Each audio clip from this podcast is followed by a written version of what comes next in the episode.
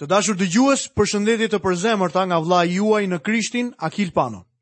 Ju uroj mirëseardhjen në emisionin e sotëm dhe ju kujtoj në të njëjtën kohë që jemi duke studiuar në Ungjillin sipas Lukës në kapitullin e 13 të tij. Le të lutemi së pari Perëndisë që të bëjë vend në zemrat tona me anë të frymës së tij të shenjtë, që fjala e tij e gjallë me të vërtetë të na themelojë dhe të na rrisë në Zotin Jezus. Perëndi Atë, unë falënderoj për privilegjin që së bashku me çdo dëgjues kemi për të studiuar fjalën tënde të gjallë.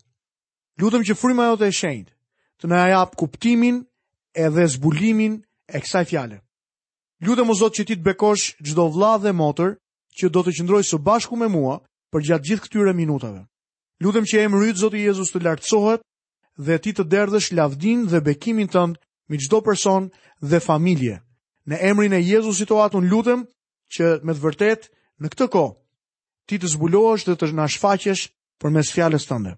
Në emrin e Jezusit. Amen. Në kapitullin e 13 të Ungjillit sipas Lukës do të studiojmë këto çështje. Jezusi i mëson njerëzit që të mos gjykojnë, por të pendohen. Më poshtë do të shohim shëmbëlltyrën e pemës së fikut, Jezusin i cili do të shërojë gruan e paralizuar, shëmbëlltyrën e farës së sinapit dhe majaja, më pas do të shohim Jezusin i cili do të vazhdojë të mësojë, ndërkohë që është drejtuar drejt Jeruzalemit, dhe në fund, Zotin Jezus i cili qan mbi Jeruzalemin. Le të shohim së pari çështjen kur Jezusi i mëson njerëzit që të mos gjykojnë, por të pendohen.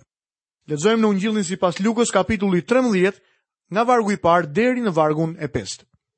Pikërisht në atë kohë ishin aty disa që i treguan për ata galileasve, gjakun e të cilëve Pilati e kishte përzier me flijimet e tyre.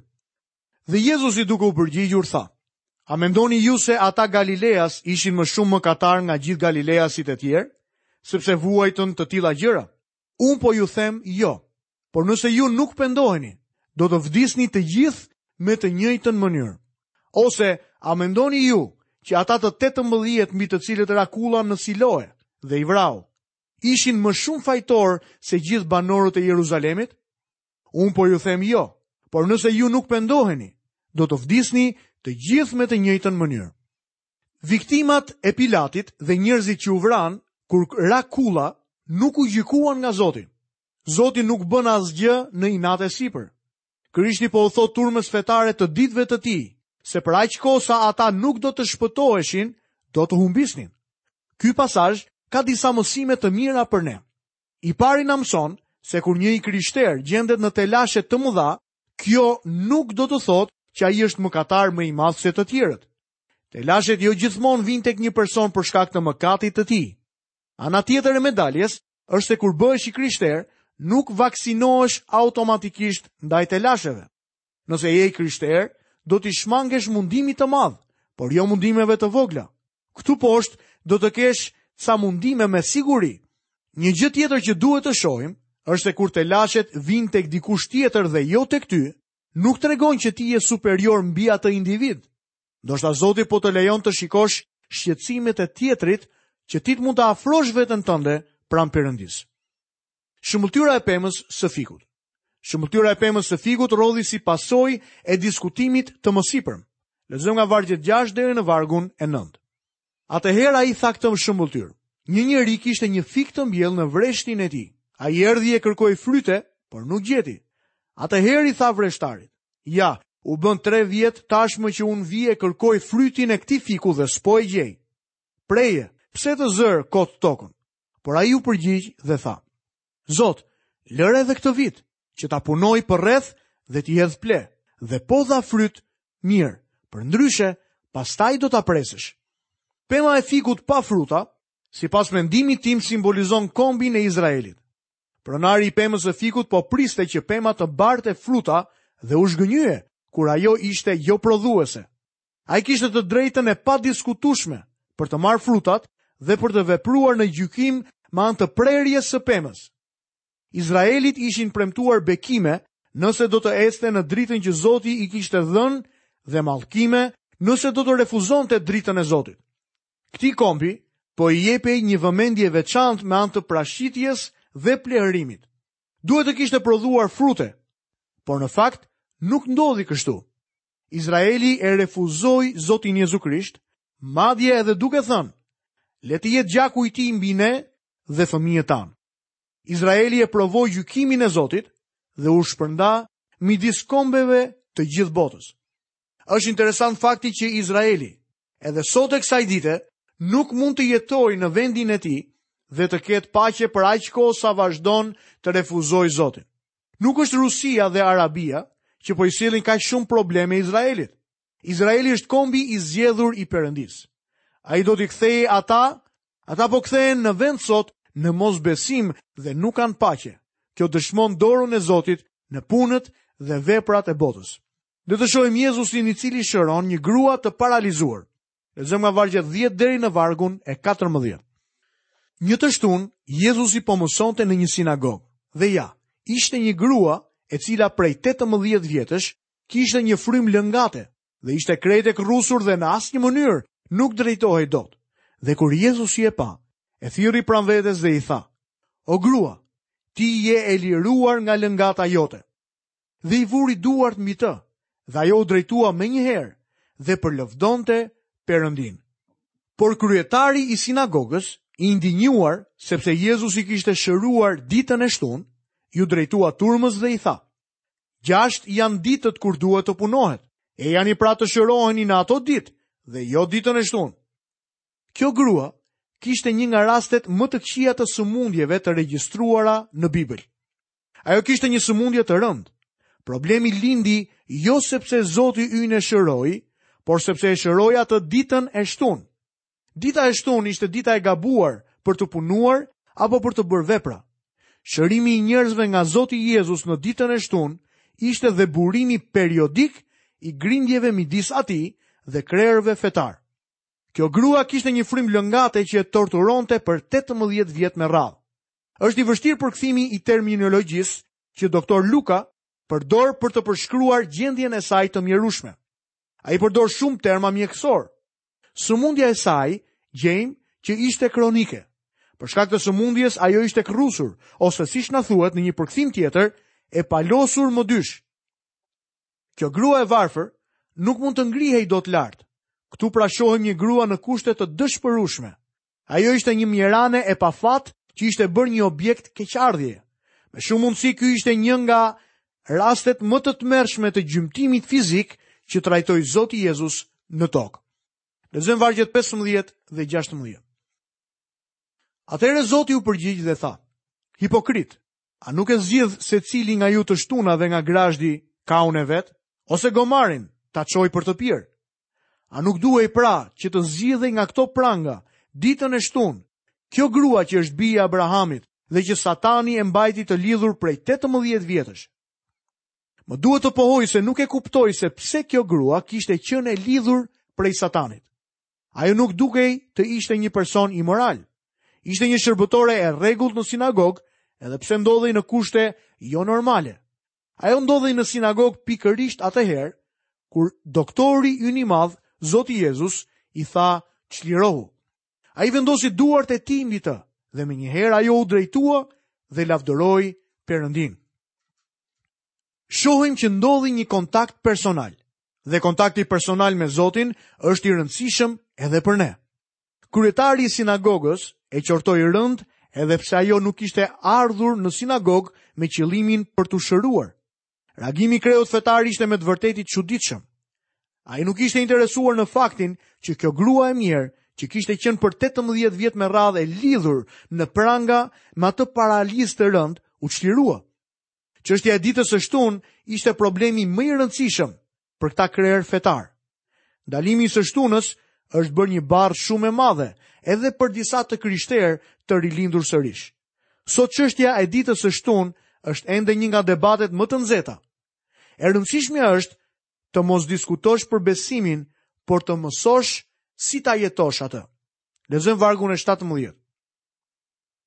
Dhe kur ai thoshte këto gjëra, të gjithë kundërshtarët e tij mbetën të turpëruar, ndërsa mbarë turma gëzohej për të gjitha veprat madhështore që ai kishte kryer. Edhe pse njerëzit gëzoheshin për veprat e tij, dukeshin sikur nuk do të shkonin shumë larg me të. Mund të ndodhë që ti të bëhesh aq fetar dhe zemërgur sa të nxjerrësh Jezusin nga jeta jote. Ti ndoshta mund të dish të gjitha përgjigjet dhe të jesh ekspert në argumentim, Çështja e vërtetë është kjo. A e ke lënë Krishtin ndonjëherë në zemrën tënde? Nuk ka asnjë lloj zëvendësimi të tij. Jezusi nuk ka zëvendës. A je i mbushur me dyshime? A je i copëtuar apo në telashe? A je i mbërthyer nga barrat e jetës? Atëherë eja tek Zoti Jezu Krisht me barrën tënde dhe mëkatet e tua. Ti mund të vish tek ai në çdo kohë. Jezusi është gati dhe mezi po pret të të çlirojë ty nga barra, mëkati dhe nevoja jote. Le të shohim më poshtë shëmbëlltyrën e farës së sinapit dhe majanë. Lexojmë në vargjet 18 deri në vargun e 21. Atëherë ai tha, kujt i përgjan mbretëria e Perëndisë, me se ta krahasoj, i ngjan kokrrës së sinapit, që një njeri e mori dhe e hodhi në kopshtin e vet, Pastaj u rrit dhe u bë një pemë e madhe, dhe zogjtë e qiellit erdhën e kërkuan strehë në degët e saj.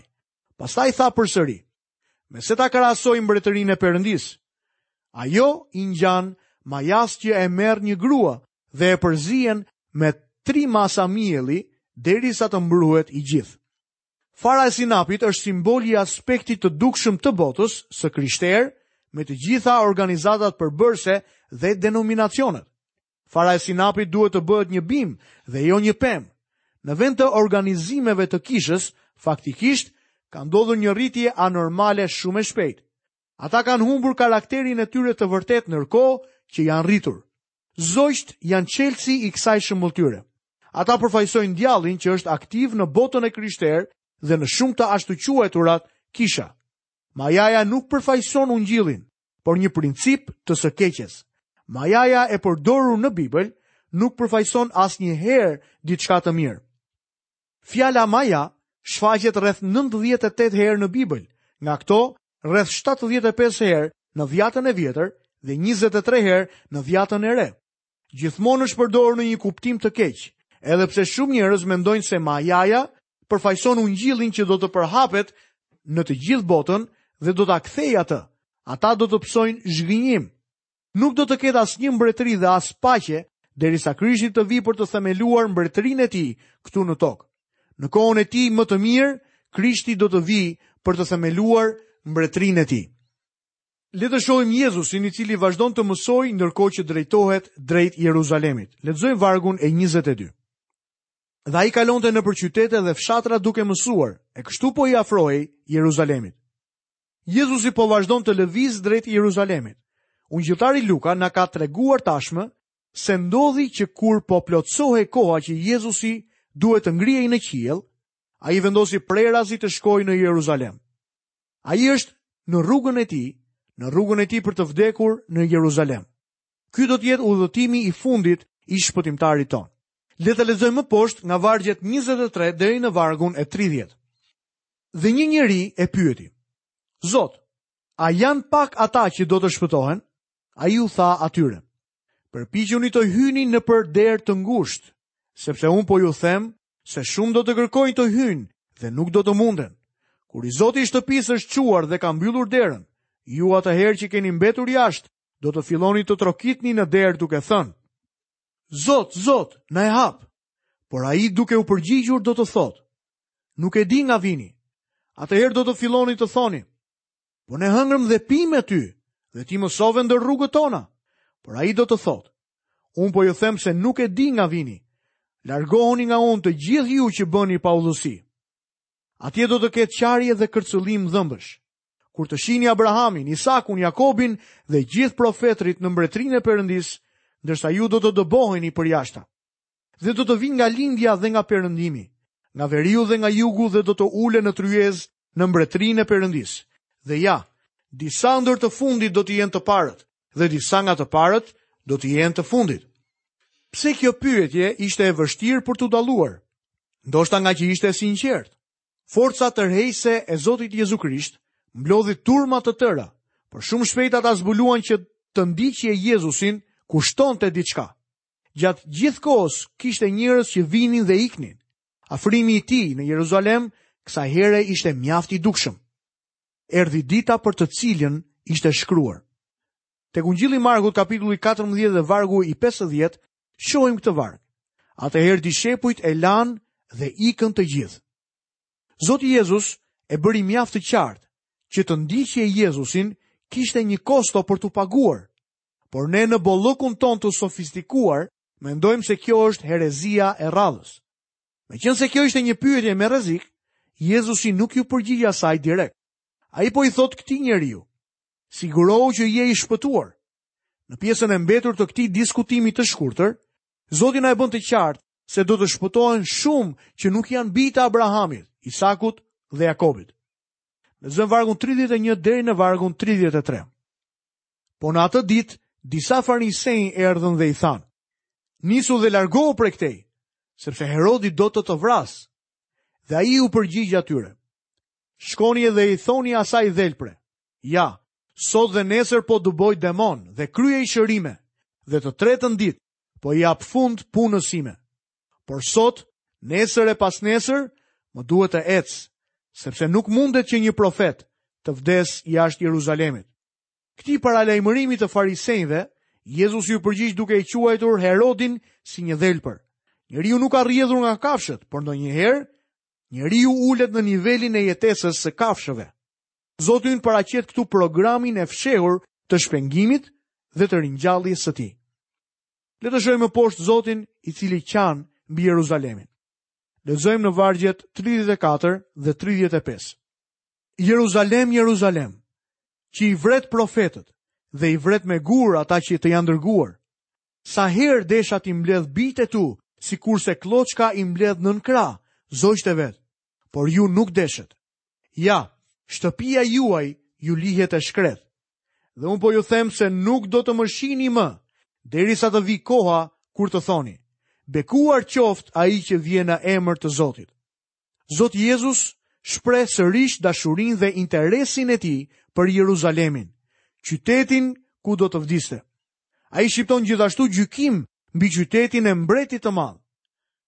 Zoti Jezus lajmëron që do të kthehet sërish. Herës tjetër do të jetë hyrja e vërtetë triumfante e tij në Jeruzalem. Të dashur dëgjues, këtu kemi mbërritur dhe në mbyllje të emisionit të sotëm. Lutem që me të vërtetë Perëndia t'ju bëjë që të themeloheni në fjalën e tij të gjallë, dhe që fryma e tij e shenjtë t'i japë zbulesën secilit prej jush që të mund të ecni në bindjen e fjalës së tij në baza ditore për të kënaqur Perëndinë dhe për të jetuar në bekimin e tij çdo ditë të jetës tuaj. Lutem që Perëndia të derdhë bekimet e tij mbi ju dhe mbi familjen tuaj, mbi kishën tuaj. Lutem me të vërtetë që fytyra e tij të shkëlqejë tek secili prej jush.